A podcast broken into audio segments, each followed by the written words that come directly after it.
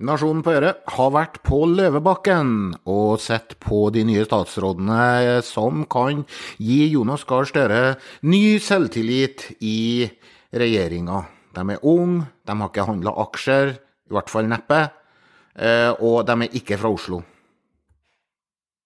Ingen statsråd kan noen gang bli fri tanken om at han er i regjering, først og fremst fordi forgjengeren i regjering gjorde seg bort.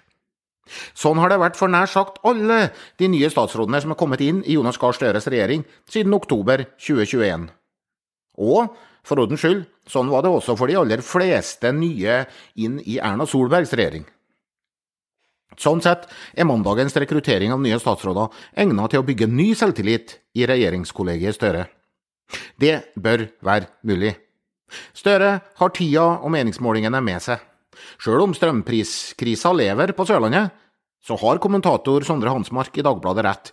Både fulle vannmagasiner, rentebane og Erna Solbergs fall fra det meste, bortsett fra ledervervet i Høyre, gjør at andre halvdel av regjeringsperioden til Støre kan bli bedre enn den første.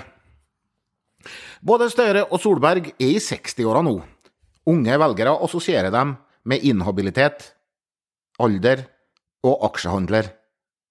Karianne Tung, Cecilie Myrseth og Kari Nessa Nordtun, alle i 30-åra, bidrar til å forynge regjeringa når folk i 50-åra, som Bjørnar Skjæran og Anniken Huitfeldt, blir sendt på dør. Oslos byrådsleder Raymond Johansen blir ikke statsråd nå heller. Det er verre for Arbeiderpartiet enn det er for Senterpartiet. Støre vraker statsråder fra Oslo og Bergen, og henter isteden nye fra Stavanger, Trondheim og Gloppen. Så må Senterpartiet leve med at flere av de nye statsrådene er positive til EU. Erling Sande blir ikke kommunal- og distriktsminister fordi Sigbjørn Gjelsvik, begge Senterpartiet, har gjort så mye galt.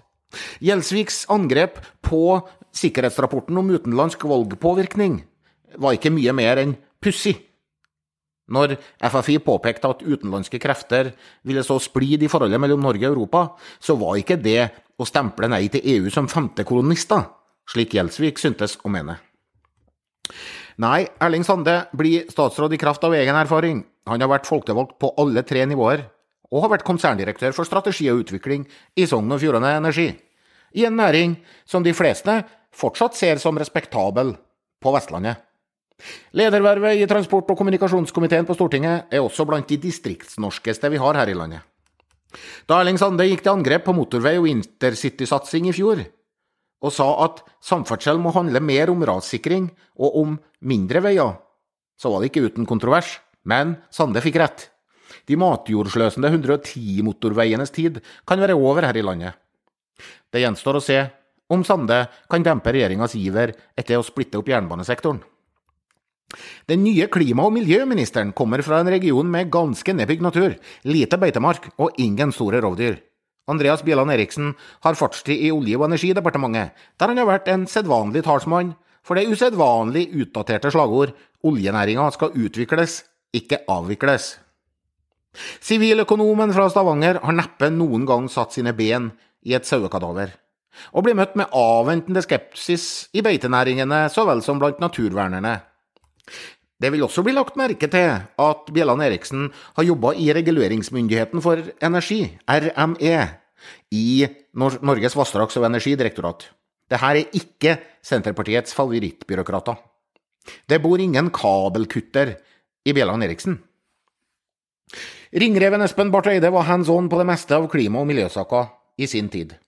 Etterfølgerens manglende erfaring kan gjøre statssekretærene Ragnhild Sjoner Syrstad Arbeiderpartiet, og Kjersti Bjørnstad fra Senterpartiet mer synlig og vektig i viktige nasjonssaker om utslipp og vern og bruk av natur.